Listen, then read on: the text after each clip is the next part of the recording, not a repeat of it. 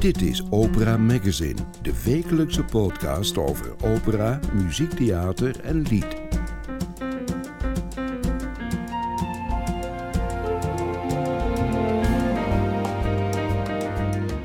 In deze aflevering van Opera Magazine hoort u Wat Opera Today gaat doen als ze vanaf januari de opera die Bach nooit componeerde in de theaters brengen. En u hoort regisseur-schrijver Willem Bruls over zijn muziektheaterproductie Nevsky Prospect voor het komende Kerkje Festival. Dat en nog meer in Opera Magazine. Opera Magazine begint deze vierde aflevering in de Hofstad. Den Haag met je lege paleizen. Den Haag waar de westenwind speelt. Den Haag We spraken er Serge van Vechel, die tijdens het Uitfestival een eerste indruk gaf van de nieuwe voorstelling Johann Sebastian Bach, De Apocalyps van Opera Today. En daarvoor keken we vol bewondering rond in het nieuwe kunstpaleis, Amare, op het Spui. Dat wordt een heel vol paleis met opera in de programmering. De Nederlandse Reisopera en Opera Zuid zullen er spelen. Ruimte genoeg voor artiesten en publiek in Amare. En als u per ongeluk toch tegen iemand oploopt, in de ruime foyers of op de roltrappen, dan zegt u gewoon heel Haags Pardon. Johann Sebastian Bach, De Apocalyps. Serge van Vechel, wat is dat? Eh, dat is eigenlijk de opera die Bach nooit schreef. Dus eh, nou ja, dat is natuurlijk een uitdagende titel in die zin, want hij schreef nooit een opera. Maar het had misschien zomaar kunnen gebeuren. Want eh, hij zat natuurlijk toch in het midden van een hele muziekwereld waar opera heel belangrijk in was. En je hoort dat enorm terug, de Italiaanse opera, in zijn, in zijn muziek ook. Hij heeft gesolliciteerd op functie van hofcomponist, waar opera een hoofdtaak eh, zou zijn geweest.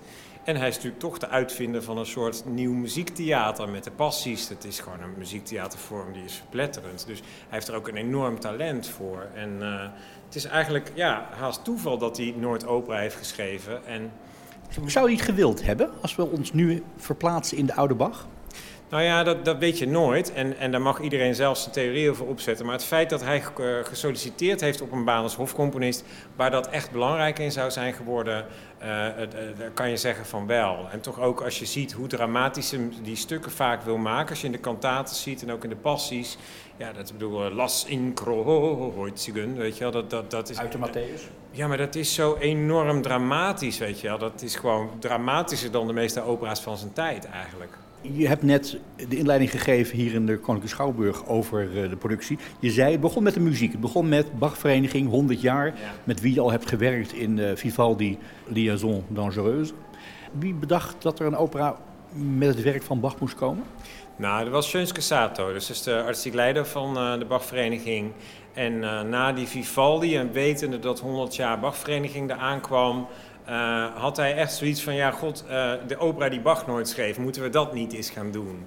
En eh, dat was ook wel een soort van oude wens. En eigenlijk ook omdat hij heel erg bezig is om eh, eh, ook allerlei andere kanten van Bach te laten zien. We hebben natuurlijk een enorme prachtige traditie van, van zoveel decennia, eh, waarin nu met, met de oude, de- de- gekeken wordt naar de uitvoeringspraktijk van toen. En eigenlijk is daar weer nu een nieuwe fase in. Dat je ook uit andere contexten, dus in dit geval bijvoorbeeld de opera-context, naar dat oeuvre van Bach kijkt. Dus vanuit muzikaal oogpunt is dat al heel erg welkom. En toen hij die vraag stelde, ik vond dat eigenlijk angstaanjagend, omdat Bach is zo'n naam en het heeft ook zo'n eh, grote betrokken groep volgers met een heel duidelijke mening over hoe dat dan moet. Dat je denkt van ja, waar ga je eigenlijk aan zitten, weet je wel. Het is bovendien ook, ja, je, je, kan, je hebt mensen die hun hele leven hebben besteed aan het begrijpen van hoe dat oeuvre in elkaar zit. Dus het voelt eigenlijk, alles wat je doet, voelt al bijna als lichtzinnig. En eh, dus ik vond het reuze spannend en, en ik heb echt een hele tijd onderzoek gedaan voordat ik eigenlijk voor mezelf kon zeggen, ja, dit, dit moeten we doen. Maar waar haal je de durf vandaan om lichtzinnigheid op Bach toe te passen? Nou ja, omdat het toch niet lichtzinnig is. We zijn natuurlijk toch heel integer bezig om te kijken, we gaan een verhaal vertellen met muziek van Bach. Eh, eh, het is super gelaagd wat we allemaal gaan doen. Dus, dus we, alle Bach-stukken gaan dus op in een nieuw gecomponeerd totaal. Eh, eh, het wordt een heel nieuw libretto. Dat betekent ook dat alle Bach-stukken nieuwe teksten krijgen. Eh, en, maar wat dan weer zo grappig is, is dat ehm, eh, Bach is zo'n goede componist. Dat betekent dat, dat hij teksten eigenlijk, de, de, daar hoort die muziek op, de teksten die hij schreef. Dus het was heel, heel grappig dat muziekstukken die ik soms had uitgekozen op basis van de muziek, dat je bijna niks aan de tekst hoefde te veranderen. Dat je gewoon verrast was. Dat je denkt, maar dat, gaat precies, wat, dat is precies wat ik wil vertellen. Eh, in die zin is het, uh, is, is, zal, zal iemand uh, kunnen vinden dat, het, dat je überhaupt niet aan Bach mag komen. Maar ik denk dat we wel ons best hebben gedaan om daar heel serieus mee om te gaan. En ik denk dat je Bach hier echt op een andere manier gaat horen. En, en zowel eigenlijk door het in een verhalende context en theatraal te krijgen, maar bijvoorbeeld ook in de manier van uitvoeren. Omdat natuurlijk Ernal Schwartzman, onze muzikaalleider, uh, met Sunske Sato ook heel erg geïnteresseerd is om te kijken van, oh ja, hoe was die muzikale, vocale uitvoeringspraktijk? Veel vrijer vaak. 1138 Bachwerken zijn er volgens de BWV. Welk Bachstuk vind jij heel goed passen bij dit gesprek en bij deze productie? Wat heb je gekozen waarvan je zegt, nou dat vind ik echt zo passen bij wat we aan het doen zijn? Kijk, je kan, je kan kiezen uh, voor uh, een aantal aria's. Dus uh, ach, zo niet diese taak zou er bijvoorbeeld dan één kunnen zijn. Of een tenoraria.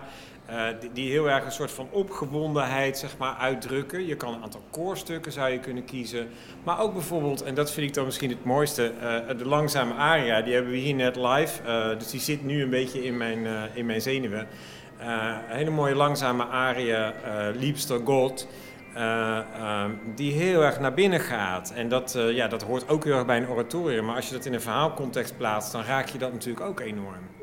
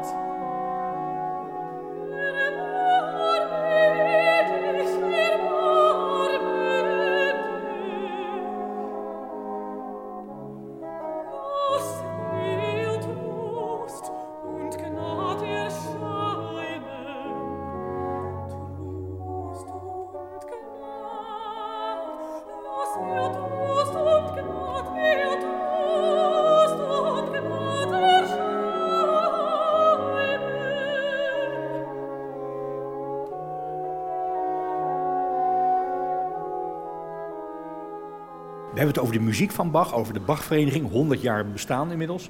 Maar het gaat ook over een verhaal. En we mogen ons er niet met een Jantje van Leiden van afmaken. Dus we moeten even iets zeggen over dat verhaal wat in deze Johann Sebastian Bach de Apocalyps zit. Jan van Leiden. Ja, nou ja, dat is grappig, want wij kennen allemaal die uitdrukking die je net gebruikte. Maar uh, in de eerste plaats is die uitdrukking van betekenis veranderd. Want dat betekent nu zoiets van iets met de Franse slag doen. Uh, maar eigenlijk betekende die uitdrukking ooit... Uh, dat is iemand, Jan van Leiden, die kon zich overal uitpraten. Dus die was zo slim, die, die verzon dan weer iets. En dan denk je, oh ja, ja, ja. Dan kwam hij er weer mee weg. En uh, die man is eigenlijk een van de grootste tirannen die, die Nederland heeft voorbebracht. Hij was toch gewoon kleermaker en koopman in Leiden? Ja, en, en eigenlijk ook acteur. Dus hij, was, hij werd een soort cafébaas en dan ging hij ook rederijkerstukken opvoeren. Dus het was een heel kleurrijk type. Uh, maar die raakte eigenlijk onder de invloed van de wedendopers. Je had natuurlijk toen die Lutheraanse, uh, uit, uit Luther voortkomend, al die afscheidingen van uh, de hervormde bewegingen. En één beweging daarvan was de wedendopers. En hij, hij werd daar, nou in eerste instantie was hij een beetje volgend, maar uiteindelijk, zij gingen naar Münster, daar zou de eindtijd aanbreken en dat zou een soort de helstaat zijn en daar, de, die zouden gered gaan worden, volgens het Bijbelverhaal, de Apocalyps. Uh, en toen daar eigenlijk een aantal uh, leiders een soort van waren omgevallen, toen heeft hij eigenlijk de macht gegrepen en is hij koning voor 10.000 jaar van, uh, van uh, Münster geworden. En dat, dat begon allemaal heel leuk en grappig en hij deed ook vertier voor de mensen, maar die stad werd belegerd. Dus het werd een steeds rauwere situatie daar en het werd gewoon een, een, een, een tiran. En, uh, en het is grappig, want ik heb heel veel hierover gelezen, maar ik heb ook heel veel gelezen over ISIS in, in Irak en Syrië. Uh, exact hetzelfde verhaal. Dus gingen ook allemaal vanuit het buitenland daar naartoe. Dan heb je ook niet zo'n band met die omgeving. Dus dat, dat, dat je daar dingen stuk maakt of wat dan ook, dat maakt niet zo heel veel uit. Dat, dat was met allemaal uh, goede, nou ja, wat is goed? Hun goede bedoelingen van uh, een soort van heilstaat en, en de wereld redden in, in hun, hun visie. Uh, en dat wordt gewoon natuurlijk totale tirannie met onthoofdingen, met polygamie, uh, waar vrouwen enorm geleden hebben.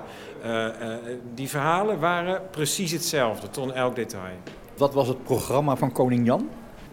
Ja, kijk, dat, dat, je moet het zo zien dat zij gingen de Bijbel opnieuw lezen en alles wat daarin staat, dat moest je dan gaan doen. Dus als Abraham uh, 50 vrouwen had, dan kon je 50 vrouwen hebben. Dat was een beetje het idee. Hij had er 17, geloof ik. Ja, hij had er 17, waarvan één nog in Leiden is achtergebleven. Dus die, die zat zielig met de kinderen thuis.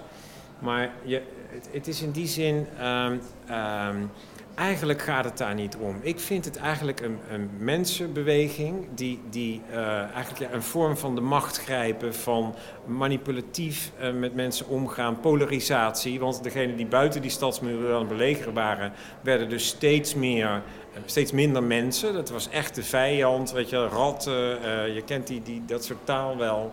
Um, het zijn echt hele menselijke principes die je gewoon nu vandaag de dag ook elke dag in de krant ziet, heel eerlijk gezegd. Maar het koninkrijk van Jan heeft niet heel lang geduurd, hè? een paar jaar maar geloof ik. Nee, het was een beleg, dus op een gegeven moment het voedsel gewoon op. Dus, en natuurlijk het koningshuis had al nog heel lang, maar op een gegeven moment hebben ze ook de poorten maar opengezet om maar minder monden te voeden te hebben. Dus ja, het was gewoon een beleg en dat, dat, uh, het, het, het holde zichzelf eigenlijk uit. En dus dan probeerden ze natuurlijk de, touw, de, de touwtjes weer strakker aan te trekken en op een gegeven moment breekt dat gewoon. Het is het verste uitgangspunt van een polarisatieproces, zou je kunnen zeggen. Bach als opera, maar Bach is oratorium. Heb je dan operazangers nodig of oratoriumzangers? En hoe vind je die?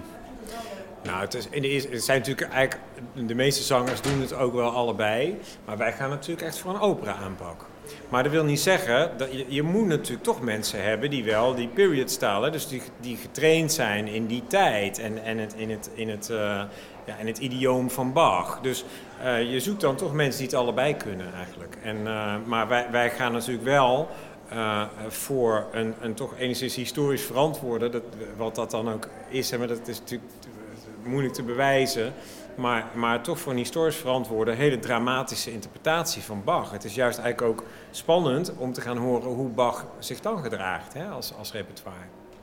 En die zangers gaan zingen onder leiding van Hernan Schwarzman. En het koor en orkest van de Bachvereniging zitten ook op, op het podium. Zitten op, zitten op het podium? Nou, nou ja, zullen veel, uh, het, is, uh, het wordt helemaal geanceneerd natuurlijk. Hè, dus het is geen uh, concertopstelling. Um, januari première in de Koninklijke Schouwburg hier in Den Haag. Als we hier naar buiten kijken, dan zien we het korte voorhout. Daar links het lange voorhout. Misschien wel de beroemdste straat van Den Haag.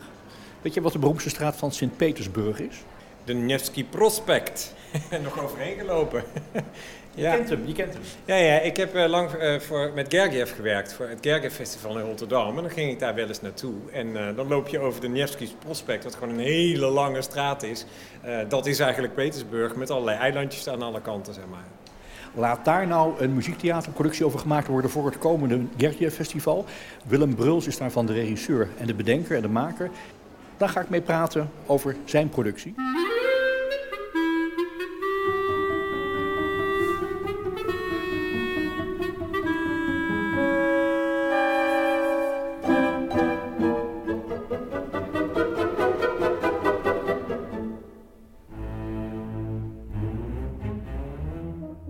Willem Bruls, heb jij er net als Serge van Vechel ook wel eens rondgedwaald op de Nevsky Prospect in Sint-Petersburg? Ja, uh, sterker nog, ik ben er in de Sovjet-tijd geweest, in uh, 1987.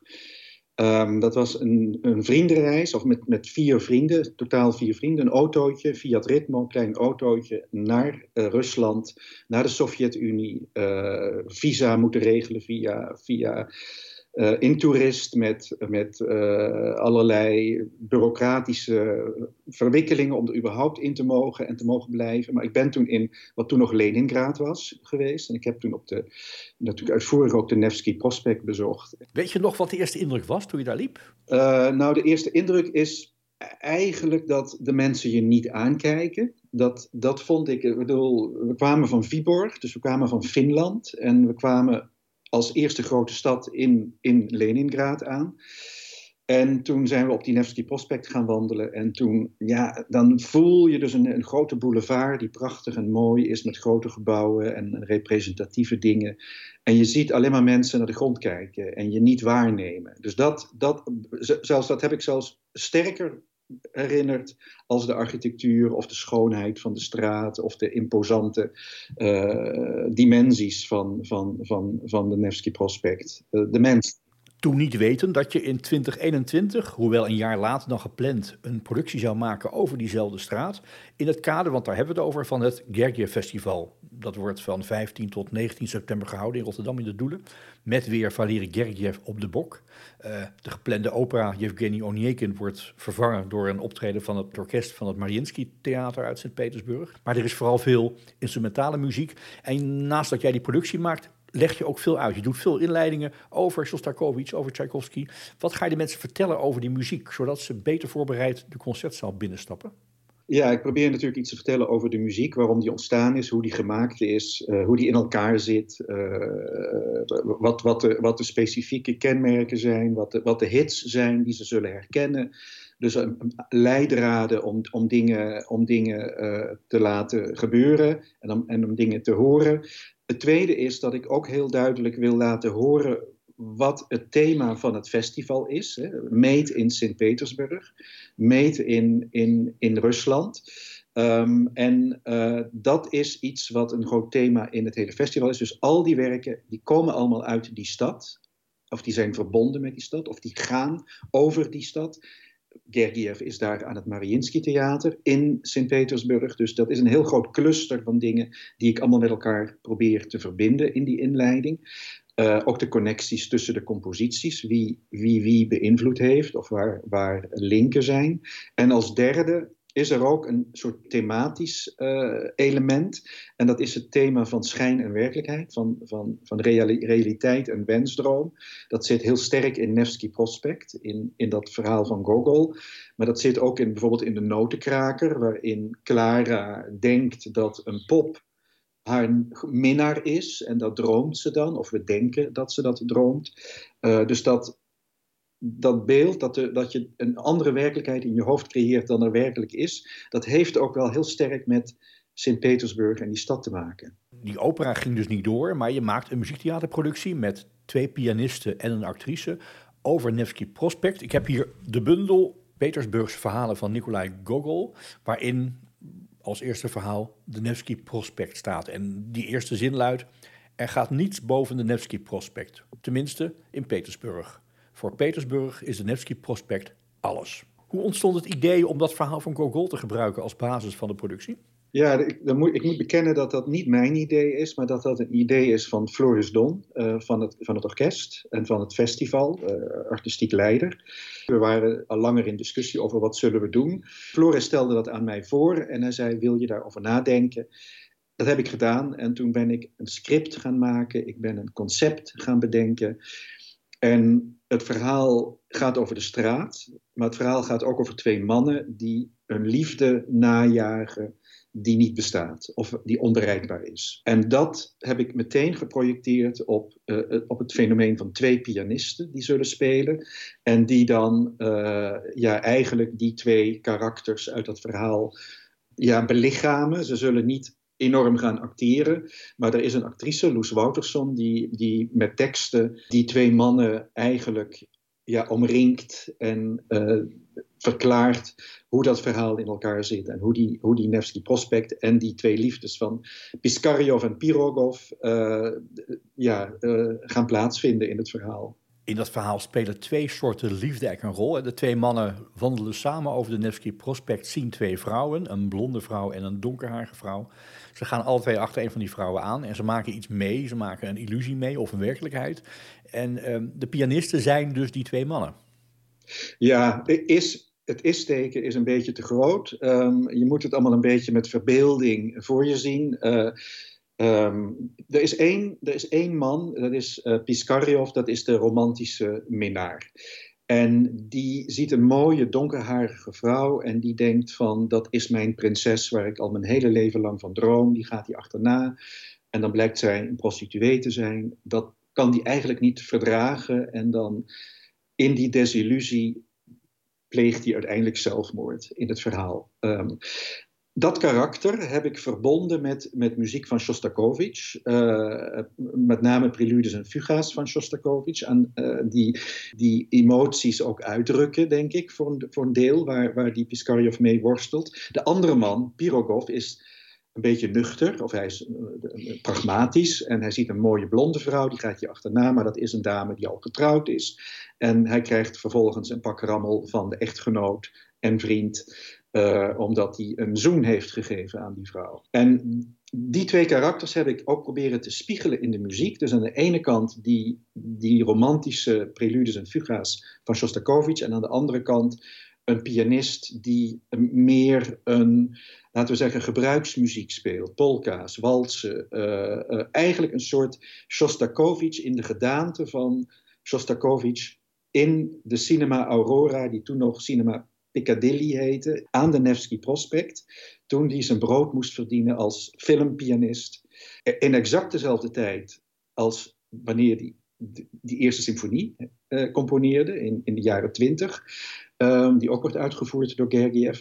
En dat is dan dat pragmatische karakter. Dus twee pianisten die twee zijden van die liefdesmedaille uh, voorstellen in de muziek.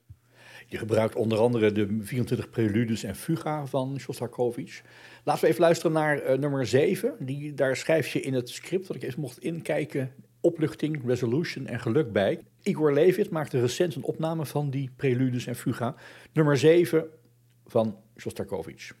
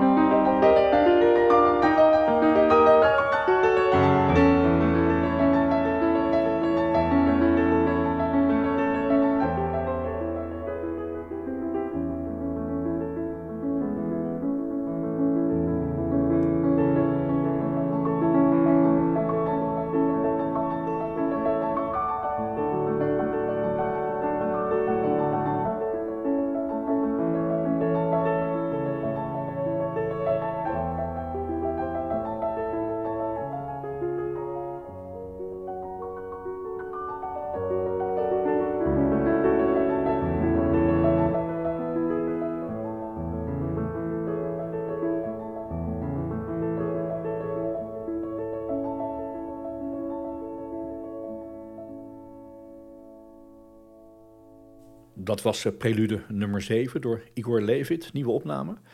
Um, je hebt het verhaal, je hebt muziek, je hebt de karakters, maar het moet vorm krijgen. Je hebt twee pianisten, Mengji Haan en Rembrandt Frerichs. De actrice, Loes Wouterson. Hoe heb je het vormgegeven zodat het in het theater, in de zaal ook werkt als een, als een vertelling, als een, als een muziektheatervoorstelling?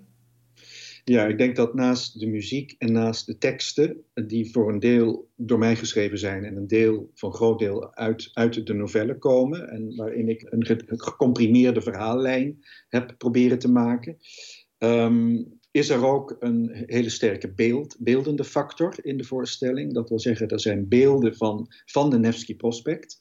Uh, Evert de Kok, de, de man die het beeld gemaakt heeft, heeft fantastische 19e-eeuwse panorama's van de straat gevonden, waarin de volledige Nevsky Prospect afgebeeld is. Dus een 19e-eeuwse gravure, maar ook een, een, een, een Sovjetboek uit de jaren 70, waarin nog een keer die hele straat gefotografeerd is. Dus dat is één element van, van het, het, visuele. We moeten ook echt het gevoel hebben dat we op die straten zijn. Uh, en het andere is dat er een aantal verfilmingen zijn van uh, verhalen van Gogol, uh, met name De Mantel. Dat was een favoriet verhaal dat heel vaak verfilmd is. En ik heb één versie van die film gevonden uit de jaren twintig, die een deel van dat verhaal van Nevsky Prospect ook gebruikt. Dus die begint eigenlijk die, die mantelverfilming die begint eigenlijk met Nevsky Prospect. En dus daar hebben we allerlei prachtige fragmenten uit, uit ja, oude, stomme films. Wat ook heel goed werkt als Rembrandt Friedrichs, als Shostakovich. Een soort pianist is die die stomme film begeleidt op, op, met, met, met, de muziek. Uh, dus ja, het, het, grijpt op die manier allemaal in elkaar. Beeld, geluid, tekst, uh, theater. En ik hoop dat dat dan ook werkt als muziektheatervoorstelling. We moeten het nog zien, want ja, het moet nog gemonteerd en in elkaar gezet worden. Heb je de twee pianisten gewaarschuwd voor het feit dat ze ook moeten acteren? Zijn ze niet gewend? Het zijn ze niet gewend, alhoewel Rembrandt een heel klein beetje ervaring op dat vlak heeft.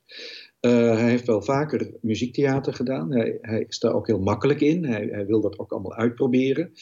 Uh, niet, die, dat is een echte pianist-pianist, om het maar even zo te zeggen. Uh, en die zal misschien wat minder outgoing zijn, maar dat is helemaal niet erg, want hij is ook dat karakter, dat romantische karakter, die ja, op die zolderkamer zit en denkt van uh, dit is de werkelijkheid en ik doe de deur niet open om de echte werkelijkheid te zien. Dus het, het, het past ook een heel klein beetje, zonder dat ik hem daarmee een, een, een bepaalde karakter trek wil toedichten. Maar uh, de, de, tegenstelling tussen Rembrandt en Menji in werkelijkheid komen een heel klein beetje overeen met de karakters die ze ook in, in deze voorstelling zullen, zullen zijn. En dat, dat maakt het ook heel, heel, heel spannend. Waar ga je het spelen? In de Juriaanse zaal in uh, Rotterdam, in de Doelen. Uh, die eigenlijk een hele mooie zaal is qua akoestiek, maar ook qua sfeer. En uh, we zullen ook in, zelfs in, in de opstelling van de schermen, waar de projecties van de straten en de films op zijn, een kleine referentie maken naar Sint-Petersburg. Want het, het, er is een hele mooie anekdote over de Nevsky Prospect. De Nevsky Prospect is niet recht, terwijl het een, een prospect is, een perspectief is. En dat, de reden dat hij niet heel, helemaal recht is, maar een knik maakt, is een foutje bij de, bij de, de aanleg. Want men wilde het Nevsky-klooster met de admiraliteit verbinden in, in Sint-Petersburg. Maar ze zijn aan twee kanten begonnen met de aanleg. En toen ze bij elkaar kwamen, bleek dat ze allebei een andere richting hadden gekozen. Dus de rechte boulevard heeft een knik. En die knik die gaan we ook eh, in de schermen waarop geprojecteerd wordt, gaan we die als een kleine verwijzing gaan we die ook gebruiken de imperfectie van, van, van het leven en dat de werkelijkheid altijd moeilijker is dan, dan de voorstelling. Gertje Festival eh, met heel veel symfonische muziek, wat koorconcerten. Die avond met uh, opera-aria's door het orkest en de solisten van het Mariinsky Theater. En muziektheater door jou, Willem Bruls, uh, in de kleine zaal van de Doelen op 16 en 18 september te zien. En er is ook nog een mooie avond met, uh, met strijkkwartetten, een salonavond. Uh, ja, koormuziek, uh, er is van alles. Dus er is altijd wel wat te vinden, denk ik. Reden genoeg om in dat lange weekend uh, naar Rotterdam te gaan en in de Doelen te genieten van muziek en van theater door jou, Willem Bruls. Dankjewel en veel succes bij het maken van Nevsky Prospect. You are listening to Soft Valkyrie, a 2021 production of Richard Wagner's Die Walküre.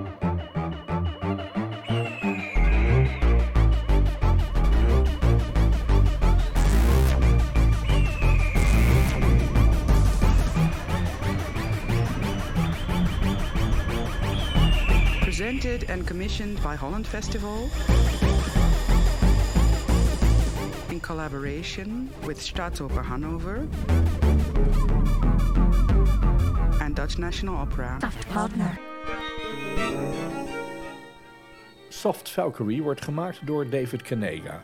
Het is een podcastversie van Wagner's Die Walküre en bedoeld om met een koptelefoon te beluisteren. Stephen Fry is de verteller die Wagner's libretto-aanwijzingen leest, zoals bij de eerste opkomst. Siegmund. Siegmund opens the entrance door from without and enters. He holds the latch in his hand and looks round the room. He appears exhausted with overexertion. His dress and appearance show that he is in flight. Seeing no one, he closes the door behind him, walks, as with the last efforts of an exhausted man, to the hearth, and there throws himself down on a rug of bearskin. Siegmund zingt de famous first words uit de ring.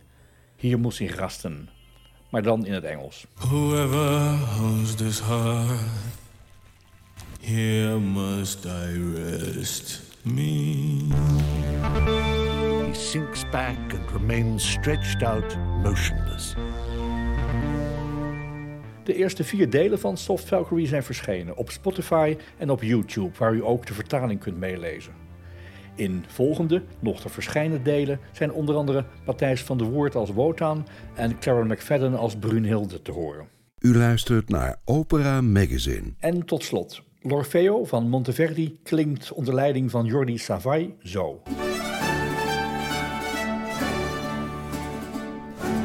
Complete opera is de opener van het nieuwe Opera Live seizoen, zaterdag op NPO Radio 4. Diezelfde avond vindt The Last Night of the Proms plaats in Londen. Dit jaar is tenor Stuart Skelton de speciale gast. Look, En weet u wie dit is? if you had one shot or one opportunity, Zangeres Maria Fuselier, die opera zingt, maar graag andere wegen inslaat. Haar verhaal kunt u lezen op de website van Opera Magazine. Dit was Opera Magazine. Productie François van den Anker.